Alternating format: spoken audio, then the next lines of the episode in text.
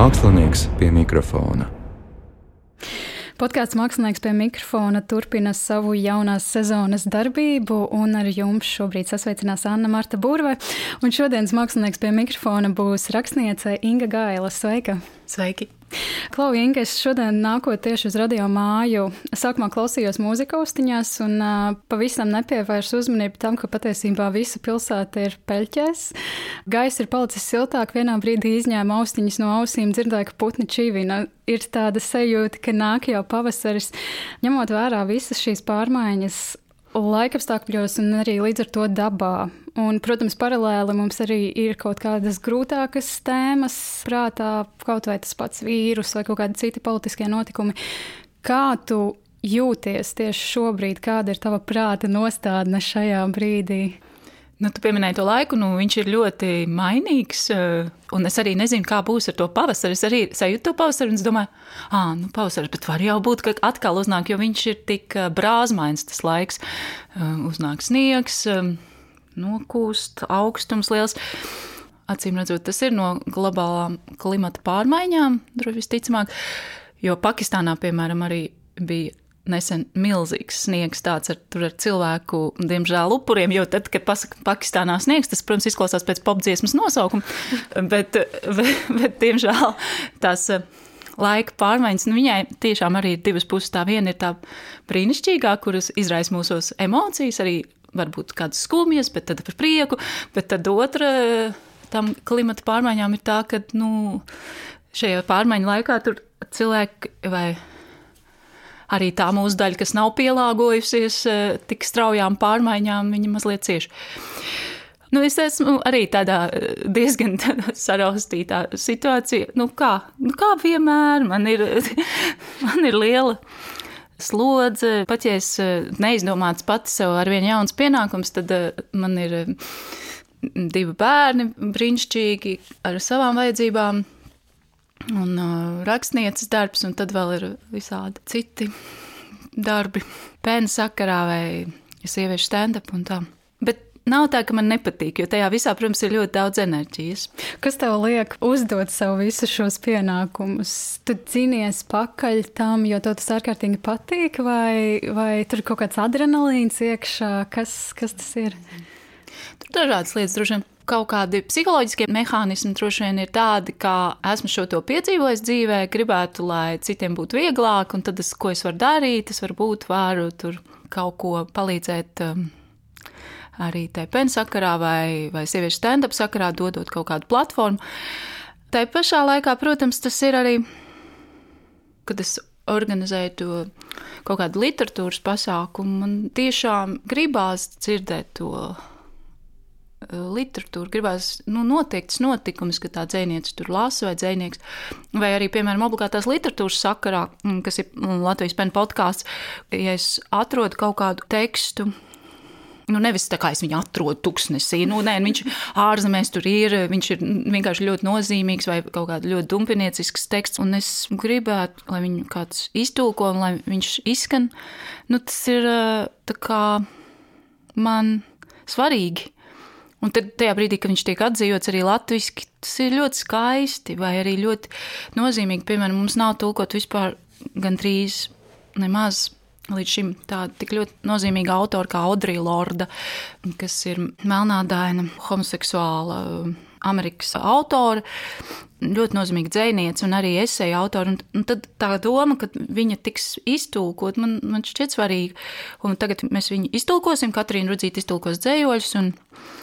Edvards Kuks un Šlāpins Ilmārs iztulkos esejas, un tas viņas teksti ir ļoti būtiski. Viņi tur runā par to nepieciešamību runāt tieši un par to, ka nu, kāda jēga nerunāt, jo tu iespējams tāpatās to notikumu iespējā tiešākā vai netiešākā nomirsi. Tad varbūt viņš pirms tam tur var pastāstīt par eh, visdažādiem piedzīvojumiem un palīdzēt apkārtējiem cilvēkiem vai turpmāk um, cilvēkiem.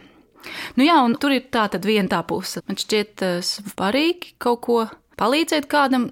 Otra lieta ir tā tekstuālā vārdu skaņa un literatūras būšana, ka viņa ienāk pasaulē un paplašina kaut ko tādu laika telpu. Tas ir dažreiz tur notiek visādas brīnumainas lietas. Es domāju, tajā Andrijas Lordas sakarā nu, nav jau noslēpums, ka visa tā literatūra, kas mums ir pieejama, nezinu, konkrētai valstī, konkrētai tautai, viņa arī ietekmē to tautas domu. Kā tu varbūt noraksturotu to literatūru, kas ir šobrīd pieejama Latvijā, varbūt tīri salīdzinot ar, nezinu, kaut kādām nepatīkami jau teikt, bet attīstītāk, attīstītākām valstīm? Attīstītāk varbūt nav precīzi, bet. Um, Jā, es arī nezinu, kā savādāk to pateikt. Mm. Bet eh, tā ir ļoti interesanta doma, ko tu saki. Un, un, protams, ka tā literatūra ietekmē tos um, valdošos narratīvus, un viņi arī spēj tos mainīt. Arī paplašināt, ļauj justies cilvēkiem vieglāk. Piemēram, viņi vairs nav tik vientuļi. Ja viņi izlasa grāmatu, ar kuras varoni vai varoņiem viņi var identificēties, viņi vairs nejūtas tik vientuļi un nelaimīgi, jo viņi arī to ir piedzīvojuši. Tad jau uzreiz viņi jūtas labāk, un ja šai tautai, piemēram, nav tās grāmatas, tad, tad eh, varbūt ir kaut kādi cilvēki, kuri jūtas eh, mazliet noraidīti un pamest. Nu, tieši tāpēc jau arī, es domāju, diktatūras aizliedz literatūru. Literatūra, māksla vispār arī, nu, protams, ir iespēja cilvēkiem kļūt brīviem no bailēm, un arī tad kādā brīdī varbūt sacelties pret varmācību. Bet eh, Es nevarēšu, nu, no sākuma es pateikšu, ka es nevarēšu, un pēc tam to izdarīšu. es, protams, neesmu tik um, liels uh, speciālists. Es tomēr esmu rakstnieks, un dažreiz uh, pat ir periodi, kuros es kā nevaru palasīt, jo es tur kaut kā ļoti intensīvi rakstu, bet nu, šobrīd es diezgan daudz lasu arī. Nu, protams, ka ir tā, ka ir šis tas, kas mums nav iztulkots. Un, um, Tā pašā laikā mēs arī neesam Ziemeļkorejas situācijā. Mēs esam arī maza nācija, un mums ir mazs tirgus, arī, kas ir vēl viena lieta.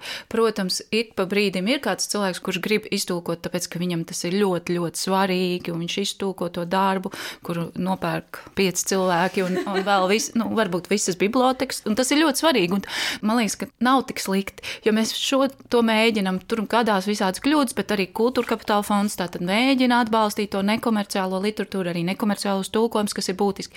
Bet tā kā mūsu apjoms un resursi ir diezgan mazi, nu, mēs, protams, nevaram paspēt. Nu, kas mums ir iztulkots no, piemēram, feminisma, nu, Džudita Butlere.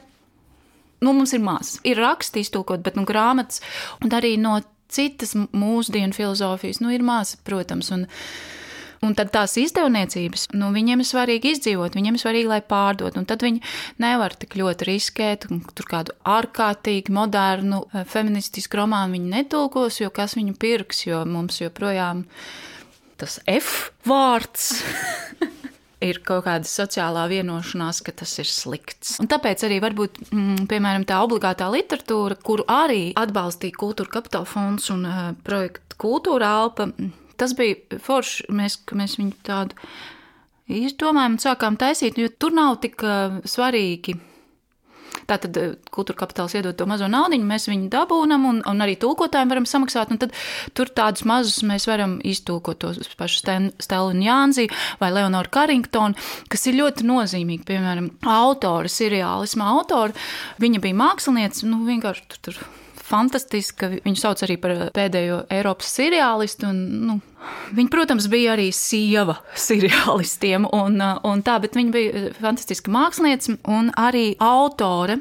Nu, viņai brīnišķīgi ir tie stāsti, arī tas Hearing Trumpet, kur galvenā varone ir 92-gadīga sieviete. Jau no sākuma, kad slāpes lasīt to, tu jūties labi, jo viņš ir smieklīgs no sākuma tas stāsts. Un tā sieviete ir tik pašpietiekama, un, un, bet tad tur aiziet vispār tādās trakumos. Un, un, ir, un es arī, piemēram, gribētu, lai šo darbu iztūko, bet to, ko mēs iztūkojam, pavisam mazu īsu stāstīņu debitante, bet tas, kas tālāk notika, punktum arī par to interesējās. Un Gita Grimbergs, cik es zinu, iztulkos vēl divus stāstus. Mm. Tā kā tas eh, tā notiek. Un, piemēram, nu, ir tādi autori, bet arī par to Leonoru Carringtonu ir tā, ka viņa arī nebija baigi izcelt arī rietumos. Viņa bija tā kā, ah, nu tā. Meitene ir viena bilde, kurā laikam viņa ir ar kailām krūtīm, ar Maksu Ernstu. Nu, var sakot, viņa tur un tas viņas darbs. Pirmais, ko mēs zinām, ir viņa ir tā Maksa Ernsta pamestā seriāliste, bohēmiste. Un tad, kad to dabūja nost mazliet, tad pēkšņi ieraudzīja, cik viņa ir nozīmīga kā autore, arī kā gleznotāja. Un tas jau nu, šobrīd notiek visā pasaulē. Nav tā tikai pie mums, protams, mums vēl ir uh, savas traumas, ar kurām jātiek galā, pirms mēs spējam ieraudzīt uh, to mākslinieces, tās bohēmistas bildes. Bet nu, arī citur notiek tas pats, kad tiek aktualizēti darbi, kas uh, līdz šim varbūt nav bijuši pamanīti. Vienā brīdī pieminēja arī kaut kādas sava veida bailes, un uh, es tieši iedomājos par to, ka mūsu sarunā pirms ieraksta tu minēji vārdu savienojumu iracionālas bailes. Un es tev šajā sakarā gribēju jautāt, no kā un kāpēc tu tās dēvē par iracionālām? Un es neatceros, kāpēc es to teicu. Un, lūk, un es tikai vāru, vāros. Un, bet, nu, labi. Bet, protams, Nu, redzi, un šis ir arī par to pirmo jautājumu, kā es jūtos. Bišķiņu man ir tas temps ir tik liels. Ir, Man ir iracionāls bailes, ka es kaut ko izdarīšu nepareizi vai pazaudēšu. Bet, nu, labi, ne, nu, tas nekas, tas vai kādu aizskaršu. Bet, nu, tāpēc es pierakstu. Iracionāls bailes. Bailes jau, protams, ir instinkts, kas palīdz mums izdzīvot un domāts, lai mēs izdzīvotu, bet, protams, cik es esmu sākotnēji vai, vai vispār joprojām esmu diezgan bailīgs cilvēks, tad eh, es esmu arī kaut ko tur nu, paskatījusies par bailēm dažādās situācijās, un nu, es saprotu, ka ir arī tādas bailes, kas mums ir eh, saglabājušās vēl joprojām no lietām, kas vairs it kā mūs neapdraud, vai, vai mūsu sabiedrībā vairs nav aktuāls. Man pat ir tiešām diezgan slikta duša braucot mašīnā, jo manas smadzenes nesaprot, kā tas var notikt. Nu, nē, nu labi, tas ir ļoti vulgarizēti un pārspīlēti, bet, bet es tā saprotu, ka tā sliktā duša rasties no tām bailēm, ka ķermenis grib sevi aizstāvēt, jo notiek kaut kas nesaprotams. Cilvēks sēž, bet brauc, bet kustās uz priekšu, un tad pirmā tā aizstāvēšanas reakcija ir izvēmties, tāpēc, ka nu, attīrīties. Nu, tāpēc tās ir tā loģiskas bailes, kas ir manā ķermenī, bet nu, viņas nav tik loģiskas. Nu, tāpat arī lidot, piemēram. Nu, man ir šīs vecās smadzenes kaut kādas, kur mans sensis manī vairs, viņa saka, nav tas nepieciešams cilvēkam lidot. Ceļš kādā dzelzceļa trubā. Tas ir vienkārši nav iespējams, un tāpēc tu drīz nokļūsi paradīzē. Bet Un, un, bet nu, arī ar šo pieredzi, arī, kuru mums ir eh, par citādiem gadījumiem, kas varbūt nav tik komiski, un arī ko ir piedzīvojuši mūsu mātes, vai tēvi, vai vecās mammas, vai vecvecmāmas. Un kas tur droši vien rada tās iracionālās bailes, kuras nav tik ļoti saprotamas, kas tagad notiek. Vai, piemēram, sieviešu bailes. Un es domāju, ka tās ir diezgan pazīstamas diezgan daudzām sievietēm kaut kāda hashtag not all men.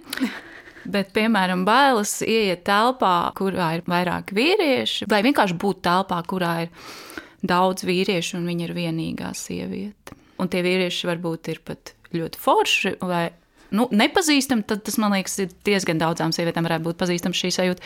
Bet pat pazīstama, bet tās ir iracionāls bailes, un viņas nu, kaut kur, nu, kaut kurienes nāk. Un Tas ir tas, ko Bēla Huksa saka, mēs neesam vainīgi, arī vīrieši nav vainīgi pie tās sabiedrības, kas ir izveidojusies, un pie tām dažām tām kļūdām, kas ir pieļautas tur tūkstošiem gadu mm. atpakaļ vai pirms simts gadiem. Bet mēs esam atbildīgi par to, ko mēs tagad darām. Un tas ir īstenībā mm, jokaini, jo, piemēram, tu, tu pieminēji par to mm, sievieti ieiet telpā, kas ir pilna ar vīriešiem, nav nevienas citas sievietes. Man tas atgādināja, ka es tikai nesen piefiksēju to, ka man ir drausmīgi.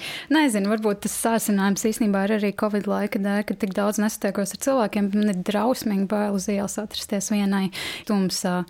Un, um, Vai tev tas neliekas jocīgi, ka vēl joprojām šodien ir šādas bailes? Par spīti tam, ka tā traumas sakne varbūt ir bijusi tik neskaitāmas gadus atpakaļ. Man tas šķiet saprotami. Pirmkārt, um, mm, pateicība, ka tu, piemēram, par to runā, jo man liekas, ik viens un ik viena, kas par to runā, par dažādām savām bailēm, vai ir atklāts par tādām savām kā, muļķībām, par kurām mēs tur gribētu, ah, nē, nu nav jau tik slikti. Ik viens, kas par to runā, paplašina to iespēju arī sev, bet arī citiem sadzīt. Bet, nu, Jā, nu viens ir tas arhitipiskais lauks, par kuru runā Jungs un citi, protams, par to, kas ir tiešām tās mūsu vecāki un vecvecāki un mātes. Un tas gēns, viņi tomēr ir. Nu, kaut kā tie mani, piemēram, asinsvadi ir veidojušies, es nezinu, tajās sievietēs, kas visu kaut ko ir piedzīvojuši daudz trakāku nekā es. Tas ir viens tas materiāls, jau, kuru es neapzinos un pat nespēju saprast. Bet otra lieta jau ir tā, ka nu, mēs Ak, nu, ak, vai mēs tomēr esam sabiedrība, kurā es domāju, ka sievietes lielā mērā tādā vai citādā līmenī šo to ir piedzīvojušas. Un man pat pārsteidza tas apjoms, bet tur Twitterī Selma bija ierakstījusi par to ka viņa piedzīvojusi, ka viņai rāda dzimumu locekli eh, vilcienā, un tad sāka sievietes ar to dalīties. Un tad sāka par to domāt, nu jā, es arī esmu tur. Ok, tas jau pat nav nekas, jo es to esmu piedzīvojis. Divas reizes to esmu piedzīvojis. Tas, un tā jau ir trauma noteikti, bet nu, ir jau daudz nopietnākas traumas, un ir arī mazākas. Nu, kā, nu, ir ļoti jocīgi šīs traumas kā, gradēt, tāpēc ka tas ir ļoti arī atšķirīgi, kādu tas iespaidu atstāja. Vienam, ka parāda dzimumu locekli ir ha, ha, ha, ir ok, bet Citam tas var ļoti nobiedēt vai samulsināt, un, un var būt tiešām traumatisks piedzīvojums. Un tāpēc tās, nu, protams, verbālais skārumi un nu, šis uztur baiļu līmeni. Un, un tā kā ja mēs varam runāt par to, ka tās ir iracionālas bailes, bet viņām ir racionāla izcelsme un cēlonība, jo to kāds dara. Kaut arī pirms tam teicu, un es tāpat arī domāju, ka mēs neviens neesam atbildīgi par to, kā ir izveidojusies sabiedrība, tad tomēr mēs nevaram aizkrāsot tā varmākas seju un izlikties, ka viņa nav, ka tā sieviete tur ir kaut ko sadomājusies. Nu, viņai palaimējies. Nu, tas vispār ir stingzinoši, visas šīs eh, pēdējā laika arī refleksijas un atbildes uz um, sieviešu atklātību. Ir arī labas lietas, kas parādījušās, bet nu, dažas eh, tās. Um, atbildes vai komentāri vai, vai kaut kādas reakcijas ir nu, vienkārši tā kā. Tiešām. un tad es nezinu, vai nu, tad tas jautājums, vai tas ir jocīgi. Nu, tas ir drīzāk tā pārsteidzoši. Un kas būtu jādara? Būtu ļoti jāizglītojas visiem. Jālasa grāmatas. Tās grāmatas, vai ne? Bet nu, lielākā daļa eh, cilvēku lasa angliski. Tie, kas nelasa angliski, tie lasa krieviski. Ir arī latviešu, mums dažni dažādi brīnumi. Pēc tam ļoti interesanti. Šogad ir iznākušas divas grāmatas, kurās ir tāds tā kā jauna tipa varonis un varone, kurā gan mājoklī, Anna Sauziņas grāmatā, mājoklī Terēzes dienas grāmatā, gan nemodernājās slāmas meitenēs ir varonis, kuram ārkārtīgi svarīga ticības dzīve. Arī Terēzē ir ļoti svarīga attiecības ar Dievu. Un abās šajās grāmatās ir tāda seksualitāte, kas līdz šim mums nav bijusi pārstāvēta. Tātad uh, Rihards Bargā varonis ir homoseksuāls, bet Annas grāmatas varonis vienkārši ir sieviete. Nē, nu viņa ir heteroseksuāla sieviete, tas arī svarīgi, bet viņas iekāra tur ir legalizēta. Man tur ir arī dažas pārdomas, nu, ka mēs Annai, piemēram, nevaram uzlikt to, un tas dažreiz notiek ar sieviešu grāmatām, bet ne tikai ar sieviešu, arī, piemēram, ar Rihardu. Viņš uzraksta šo grāmatu, un tad mēs tā kā domājam, homoseksualitāte ir. Nē, nu, tā mēs nevaram darīt. Un arī tāpēc tās Annas grāmatā mēs nevaram uzlikt to pienākumu pienākums. Sievietes tādas ir. Nē, viņa ir autora, kas raksta par Terēzi. Un Terēza raksta par savu miesu, tā, bet tajā pašā laikā ar abām šīm grāmatām ir paplašināta tā telpa, un mēs esam ieguvuši to pieredzi. Tas ir forši notikumi. Un arī, protams, pagājušajā gadā iznāca arī Mildes Levičs um, dienas grāmatas un vēl visādas uh, foršas grāmatas. Un dzēja ir, dzēja ir tāda lieta, kur vienmēr var lasīt un paplašināt to savu izglītību, pat ja nav pieejams tik daudz tulkojumu. es ar citu, tad, kad tu pieminēji šīs divas grāmatas, es uzreiz iedomājos par tavu romānu skaistās, jo tur tas, protams, arī ir neliels aspekts no tās visas grāmatas, bet tur arī parādās šī homoseksuālā sieviete.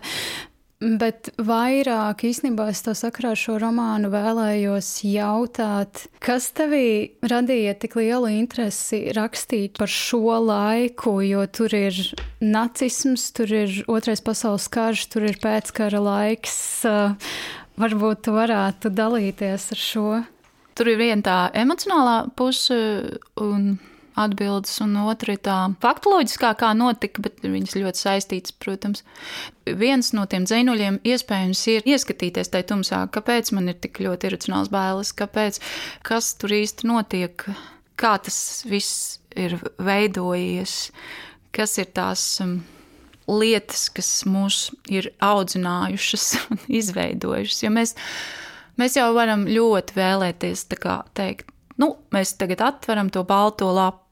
Nu, man liekas, ja ir brūce, baigā viņa tur pūžņo, nu nav iespējams uzlikt uz viņas baltu lapu, bet var uz to brūci paskatīties, viņu var iztīrīt, par viņu var pastāstīt, un viņa sāks dzīt.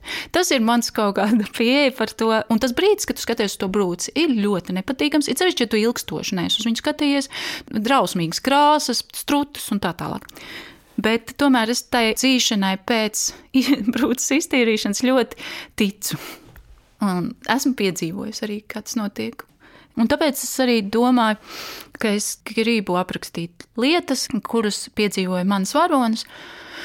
Un tās skaistās tā kā impulss un pamats ir tas Katrīnas Vaicas stāsts. Viņš vispār ir tikai impulss, un tie visi stāsti tur aiziet pavisam savādāk, jo vēlme bija turpināt pastāstīt stāstu par Magdalēnu un Kārli, kas ir stiklu mm -hmm. galvenie varoņi, un arī Lidiju, kas ir homoseksuāli. Bet tas Katrīnas Vaicas stāsts, tas ir dokumentāls stāsts, un tā ir tā brūce, par kuru es jums, diemžēl, tūlīt arī pastāstīšu. Viņu jau es zināju stiklus rakstot, arī viņu pieminu stiklos mazliet. Bet tas Katrīnas Vaicas stāsts, es viņu uzzināju kā, um, rakstot stiklus, un tas ir, viņa bija Rāvensbrikas koncentrācijas nometnes ieslodzītā, Romu izcelsmes ieslodzītā, un viņa bija akrobāte. Un Rāvensbrikas koncentrācijas nometne ir nometnes sievietēm, bija 41. gadā viņa izveidoja. Un šī Katrīna Vaica ir tā ieslodzītā, kura Sociāli viņa bija nelabvēlīga, jo viņa bija mm, cirka akrobāte, kas, nu, kas tas ir. Bet uh, viņa divas reizes izmuka no tās Rāvensbrikas koncentrācijas nometnes. Tas man arī tā kā pētot ar vienu to, kā tas viņai izdevās. Un uh, pēc pirmās reizes jau nebija tā, ka viņai tur galviņa glāstīja, viņa dabūja, bet viņu atstāja dzīvu. Un tad, tad viņa izmuka otrajā reizē. Un tajā otrajā reizē vai nu tikai soda korpusam, vai visai Rāvensbrikas koncentrācijas nometnē, viņiem bija jāstāv kājā kājās, kamēr viņu atrod. Un eh, stāvēja kājās viņas eh, trīs diennaktis, un viņi viņu atrada, diemžēl, un viņi atdeva viņu ieslodzītajām. Un Katrīna Vaica aizgāja bojā. Un tas viss kopā Tas ir drausmīgs stāsts, es piekrītu, bet um, tur ir visādi slāņi. Un tas stāsts ir arī kaut kā ļoti attīstījies manī līdz šim brīdim, kurā es tagad zinu arī, ka, piemēram, Uiguru koncentrācijas nometnēs Ķīnas valdību, kuras viņas sauc par darba nometnēm, arī tiek izmantots šobrīd šis paņēmiens, kā soda paņēmiens, ka jāstāv kājās. Un tas varbūt nešķiet tik briesmīgs paņēmiens, bet tas ir briesmīgs paņēmiens, jo tad, tad eh, cilvēkiem piepamst kājas, viņi nevar iet uz toleti. Tur vairākas eh, ieslodzītās nomira šajā laikā. Nu, tur ir visādas dažādas emocijas. Nu, tas, ka tā ir tā sieviešu koncentrācijas nometne, un tas, kā viņi viņas bija arestējuši, un kas tur ir ieslodzīts, un tur ir tie slāņi, un arī tās sievietes, kuras tātad tiek uzskatīts par mm, sociāli zemāku klasi, bet te pašā laikā tās Katrīnas vēlme būt brīvai, neskatoties ne uz ko, nu, es nezinu, cik ļoti viņa varēja cerēt, ka viņu neatradīs. Un tad arī, protams, kad es sāku par to rakstīt, tad eh, to cilvēku neticība, ka kaut kas tāds ir, jo arī Vēns Zvaigzne. Tā kā teicu, nu, tiešām, nu, tad es rakstīju uz to Rāvensbrikas koncentrācijas nometnes muzeju, un viņi man sūtīja to dokumentālo pierādījumu. Un tur arī nevar saprast. Tur ir divas liecinieces, kas saka, kā tas notika. Tad ir viena poļu izdzīvojusi, kura atkal ienes jaunu niansi, un tās liecības ir mazas, protams, bet jā, tā ir dokumentāla liecība par šo gadījumu. Un tas skaistās sākās ar to, ka mm, tiem, kas nezinu, nu, nav lasījuši, ka viena no šī soda bloka ieslodzītajām, Violeta, viņa stāv šajā sodīšanas laikā, viņa stāv ar to, tas romāns sākās. Un tad tas par tām liecībām, jā. tas ir par tām liecībām, kas man šķiet ļoti ļoti svarīgi. Un par to, ka mēs net, nu, neticam. Cilvēki negrib. Protams, nu, mēs negribam ticēt par tām šausmām. Nu, tāpat kā ir pasaulē cilvēki, kuri holokaustu noliedzēja. Un tas ir cilvēcīgi un saprotam, ka viņi holokaustu noliedzēja. Viņi negribās ticēt tādām šausmām, ka tas ir notikuši. Par šīm lietām, piemēram, koncentrācijas nometnēs bija septiņi bordeļi, kas bija paredzēti nevis esesiešiem, ko mēs varētu uzreiz iedomāties, ah, nu tie slikti esesieši, bet kas bija paredzēti ieslodzītajiem. Un arī tam mēs ne, nu, negribās tam ticēt. Un tas viss pētot, ko tu Es nezinu, kā būtu, ja es būtu zinājusi, cik tas viss ir nomācoši, vai es vispār būtu izvēlējusies to rakstīt.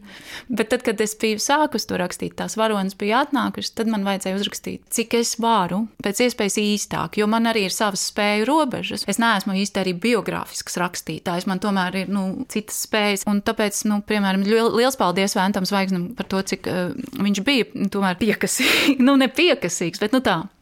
Nu, tomēr, vai tas bija, vai tas bija, jo viņas to piedzīvoja. Es jau te sēžu un rakstu siltumā. Viņas to piedzīvo. Un, piemēram, par bordeļu lieciniecēm. Ir arī no tām bordeļu sievietēm, kuras strādāja bordeļos, koncentrācijas nometnēs, ir tomēr paspējuši cilvēki dabūt uh, tās liecības. Nu, dažas. Tās sievietes, kuras ir strādājušas bordeļos, tas ir arī viens no ieslodzīto man liekas, polietis izteikums. Viņa teica, bet tu padomā par to, ka viņas visas izdzīvoja. Nu, tā kā tās sievietes, kas strādāja koncentrācijas nometnē, bordeļos, bija pēdējās no pēdējām. Viņas e, visi nicināja, jo viņas nicināja arī citas ieslodzītās, un viņas dabūja pa galvu arī, un viņas piekāva reāli citas ieslodzītās, tāpēc, ka viņas bija labākā situācijā. Viņām bija vanna, viņas dabūja viskiju, viņām bija izraustīts uzacis pat, nu, viņas bija smukas, viņas dabūja ēdienu. Bet, ja viņas atgriezās no tā darba bordelī uz normālo, vai Dievs pasargā, viņas dabūja bērnu, kurš viņam tika piespiedu kārtā abortēts, jo nu, nav paredzēts, ka koncentrācijas nometnē dzimtu bērnu tad viņas, viņu izdzīvošana bija daudz apdraudētāka, jo viņas atgriezās tajā parastajā barakā, kur citas sievietes pret viņām izturējās drausmīgi. Un arī pēc tam, kad karš beidzās, ir pētījumi, kuras visas izdzīvoja.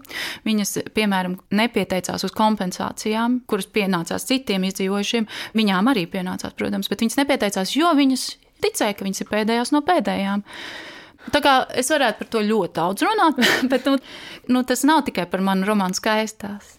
Tas ir arī par kaut kādu struktūru, lielāku struktūru. Ko mēs domājam par eh, seksu strād, nu, strādniecēm? Es, es mulstu no šī nosaukuma, bet es tiešām gribu būt politkorekta mm. un iejūtīga šajā gadījumā un, un nelietot vārdu prostitūcija, ja, tas ir aizvainojoši. Un es tiešām domāju, ka tam ir jēga. Jā, un viņas ir cilvēki. Viņas ir ne tikai arī cilvēki, bet tie ir cilvēki. Tāpat kā bezpajumnieki ir cilvēki, tāpat kā alkoholiķi cilvēki. Tie visi mēs visi esam cilvēki. Un mums nav tādas tiesību viņus sadalīt kaut kādu zemāka klase, augstāka klase. Mums nevienam tādas tiesības nav. Bet mēs to darām tā vai citādi. Un saukājam par maukām un prostitūcijām. Nu, jā. Un atbildība tiek uzlikta viņām, nevis tai pusē, kas maksā par pakalpojumu par to pusi mēs vispār nerunājam. Vai mēs, mēs nerunājam vispār par to, kā tas tā var būt, ka šī ir visvecākā profesija un taisam visādus smieklīgus joks. Labi, es klausos tādu podkāstu, arī superīgu Bad Women. Un tas ir par Džeka Ripera upuriem. Tas ir vēsturnieces podkāsts, un viņa tur izstāsta to piecu sieviešu stāstu. Un arī viņa tur runā par Pirmkārt, kā tas ir izveidojis, ka mums ir pieņēmums, ka tās ir bijušas sekstrādnieces. Un viņa tur soli pa solim pierāda, ka tā tas nebija. Un arī kāpēc mums ir svarīgi domāt, visticamāk, četras no viņām bija vienkārši nabadzīgas sievietes, kuras tieši otrādi, ka viņš viņas nogalināja, jo to varēja. Bet tas, kas ir visinteresantākais tajā podkāstā, ir tas, kāpēc mums, mums kā sabiedrībai šis stāsts Kāpēc mums viņš ir vajadzīgs tieši tāds? Es saprotu, Anglijā ap Čeku Riperu vesela kultūra, viņam ir muzeji, tūres, tortes un tā tālāk. Un mēs arī, protams, filmas esam un, un grāmatas rakstījuši par to. Bet kāpēc mums kā sabiedrībai ir svarīgi šo stāstu pavērst šādi un izstāstīt un glorificēt šo slepkavu faktiski un tās sievietes kaut kā ielikt tādā un nerunāt par to, kā viņas nokļuva tajā situācijā, ka viņš viņas ir nogalinājis. Bet kāpēc mums, kā sabiedrībai, ir svarīgs šis stāsts?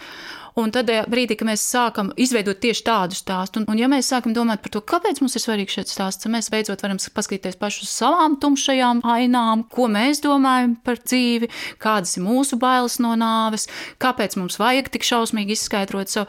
Bet kamēr mēs dzīvojam tajā kaut kādā Nu, tā vienkārši ir. Vīrietis ir tā tāds, un sieviete ir tāda. Un tad viņi tur un tad viss rodās. Un, ja tā sieviete nav tāda smuka un uh, grib runāt pretī, tad jau viss sagriežās. Tad, nu, sakot, nu, man liekas, ka ļoti svarīgi dzirdēt tās balsis, un pēc iespējas arī tās balsis, kas, piemēram, ir nomirušas, mēģināt viņu dzīves stāstus tomēr atklāt un saprast. Un es domāju, ka rakstot skaistās noteikti, ka tur vēsturniekiem ir ko teikt, ka tur ir neprecizitāte, tāpēc, ka to liecību trūkst. Tā pašā laikā es tomēr domāju, ka svarīgi runāt un, un arī svarīgi klausīties. Jā. Un tad kļūdas var gadīties, un tad tās kļūdas var labot, mēģināt uzzināt vēl vairāk. Tā konstrukcija mūsu pasaulē, mēs Es domāju, ka veiksmīgums ir sevi diskriminējis, bet mēs ļoti rietumu pasauli sevišķi ir orientēti uz veiksmīgumu, uz uzvaru, vislabākais, let's best uh, win. Un, nu jā, nu kā tas veiksmīgums ir. Tas īstenībā varbūt pat nav par veiksmīgumu, bet drīzāk par to kaut kādu bildi, kas tiek um, uzgleznota un parādīta, ka rekā tas ir tas, kā mūsu prāti tiek iestādīti. Nu, man ir tā doma par to, ka rietumu pasaulē kristīgās baznīcas nozīme ir ļoti milzīga, joprojām arī Latvijā, protams. Te pašā laikā, pirmkārt, viena lieta, ko es gribu pateikt, Kristus nebija kristietis. Jo priekš manis Kristus ir ļoti svarīgs. Es katrā stand-upā viņu pieminu.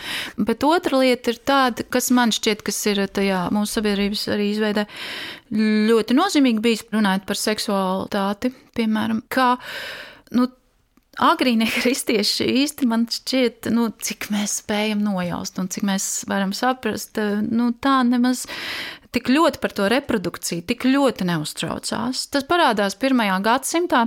Aleksandrijs Failo, kurš gribēja apvienot grieķu filozofiju ar kristietības uzskatiem, un arī citi, viņi sāka meklēt pēc tā seksuālā akta jēdzieniskošanas, un viņi tā kā izveido šo dogmu, bet tie ir cilvēki, kas izveido šo dogmu, kā seksuāls akts ir jēdzīgs tikai tad, ja tur ir bērns produktā. Nu, es nezinu, evanģēlijā par to nekas nav teikts. Tāpat tās viņi arī sāka interpretēt tos eh, Sodomu un Gomoru kā homoseksuālu grēku paņemts pilsētas, kas arī sākotnēji tā nebija. Tas eh, sākotnēji bija runa par to, ka tās ir neviesmīlīgas pilsētas, neviesmīlīguma grēks. Nevis, ka tur Sodomā un Gomorā. Tas, ko es gribu teikt, ir tas, ka tā reprodukcija kā mīlestības Nu, tas viss ir izveidojies vārdu un dažādu darbu, un tajā brīdī vispār bija Aristoteles ar savu vergi nav cilvēku un sievietes puscilvēki. Un tad, tad Tur bija tie cilvēki, kuriem bija tiesības runāt un rakstīt, un viņiem bija viņu idejas. Daļa no viņām brīnišķīgas, daļa no viņām tādas, kas izveidoja progresu, bet daļa no viņām tādas, kas bija kļūdainas. Mēs viņās joprojām dzīvojam. Mēs joprojām interpretējam viņas. Jā, un daļa no tām idejām ir joprojām tādas, kas diskriminē citus cilvēkus. Un, piemēram, tajā pašā podkāstu sakarā es uzzināju par tādu apzīmējumu kā less dead. Amerikā parādījās, kad bija Tur bija tāds uh, sērija vietas lēp kā, kā Little John. Man šķiet, viņš 90 sievietes nogalināja, un tie viņa upuri bija kā less dead. Viņām nebija tuvinieku, viņas bija varbūt kādas iebraukušas no kaut kādas, tur, kaut kādas valsts, ietransportētas. Un, protams, paldies Dievam, likumdošanā šāda apzīmēm nav kā less dead, bet tas kaut ko liecina. Mēs joprojām arī domājam, nu, ka mēs domājam par kaut kādām cilvēku grupām, kā less dead.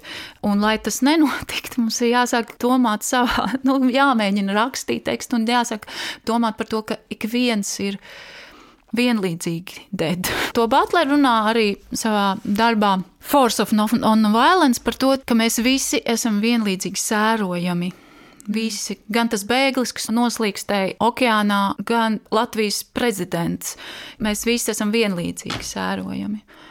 Un tad, protams, a, ko tad darīt? Vai tad tu, Inga, pati ņemsi to bēgli savā virtuvē? Jā, tas ir ļoti svarīgs jautājums, par kuru es domāju pirms aizmigšanas, bet tas, kas mums ir svarīgi, ir sākt runāt par to. Un tad mēs varbūt būsim gatavāki tai situācijai, ka tad, kad viņi jāņem tajā savā virtuvē, varbūt mēs būsim gatavāki rīkoties kā cilvēki. Mākslinieks pie mikrofona atpūšas. Kas ir Ingas Gailas mīlestības, kas ir visapkārt pasaulē? Um, cik jauki. Manas galvenās mīlestības ir manas meitas, un Teodēzija un Alisalī. Tad es mīlu arī savu draugu, bet tur mums visādi sarežģīti. Labi, tas, kā, kuram tad nav? Bet es noteikti viņu mīlu. Tad uh, es vēl arī draugu sakrā, jo mēs abi strādājam arī pie Latvijas pena podkāstu obligātā literatūra. Tas ir uh, foršs podkāsts, un jūs varat viņu klausīties gan Spotify, gan citās podkāstu vietnēs. Un veidojot to raidījumu, es um, iepazinos ar tik daudz foršiem cilvēkiem, un autoriem, un drosmīgiem autoriem un autorēm. Un tā literatūra palīdz dzīvot tiešām man. Un es um, arī diezgan daudz lasu. Lasīšana droši vien ir mana mīlestība. Bet tad vēl man, zin, man ļoti patīk arī daba, kaut arī es esmu dzimusi pilsētniece. Un tur ir augusi pilsētā. Nu, es esmu pilsēta, pilsēta visu laiku, bet man jūra un daba un ilgas pēc dabas. Tad šeit tad skrienu. Bet par to dabu es iedomājos, kad pēn sakarā es paklausījos, um, tur bija tāds um, Zoom konference vai sapulcs, kurā runāja sāmu cilvēki. Dzēniece, viņa bija jurists, Tur arī tāda pilnīgi jauna pasaule pavērās, jo sāmi ir ļoti cietuši.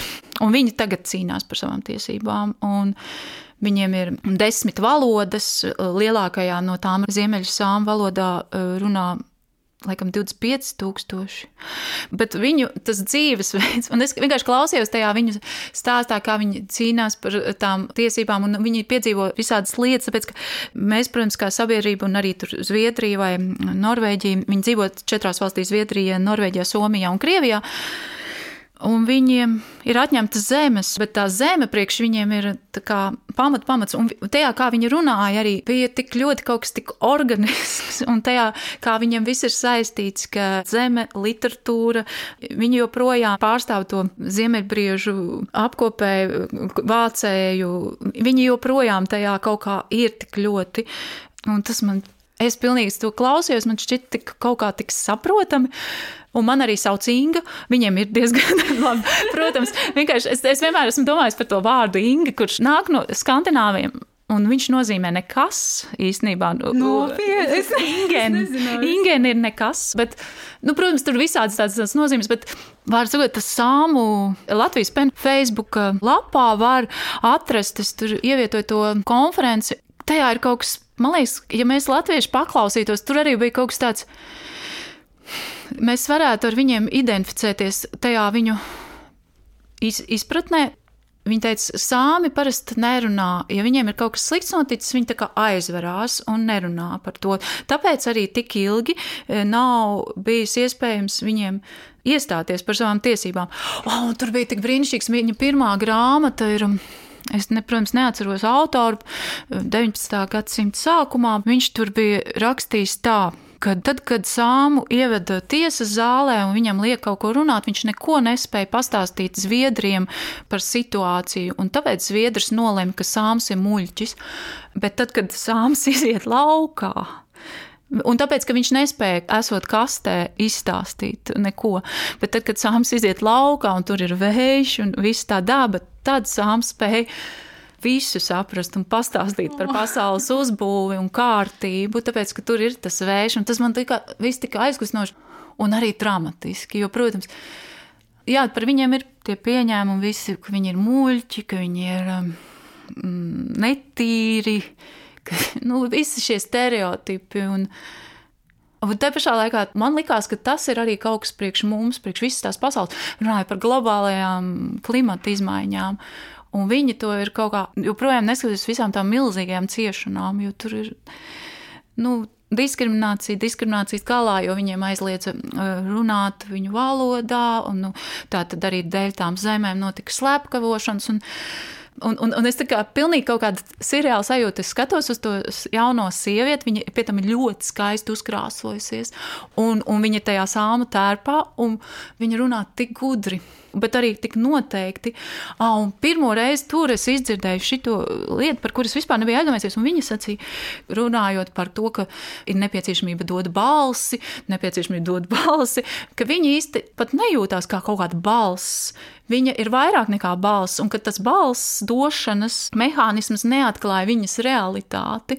Un, un, un man liekas, tajā ir kaut kas fantastisks, ko mēs tiešām tajā rietumu pasaulē arī diezgan ierobežot un apsēst ar tiem vārdiem, bet tajā sāmu viņu tajā stāstītajā un tajā, kā viņi tur to saka, par to vienību ar dabu un par to, ka viņi ir spējuši tur nostāvēt un stāvēt, lai cik šausmīgi viss ir bijis, bet tā, viņi stāv. Un joprojām viņi saka, nē, tie jūsu vārdi nesadz mūsu realitāti. Un, un tas ir tik aizkustinoši. Es saprotu, ka es vienkārši aizgāju prom no temata. pilnīgi uz kaut kādu ārprātu. Es klausījos, un es arī pilnīgi apbūros pati. Tā kā paldies par šo. Liels paldies par sarunu, brīnišķīgi. Inga, liels tev paldies arī. Ar jums, klausītāji, jau tiksimies nākamajā nedēļā, nākamajā podkāstu epizodē. Paldies! Uz redzēšanos! Mākslinieks pie mikrofona.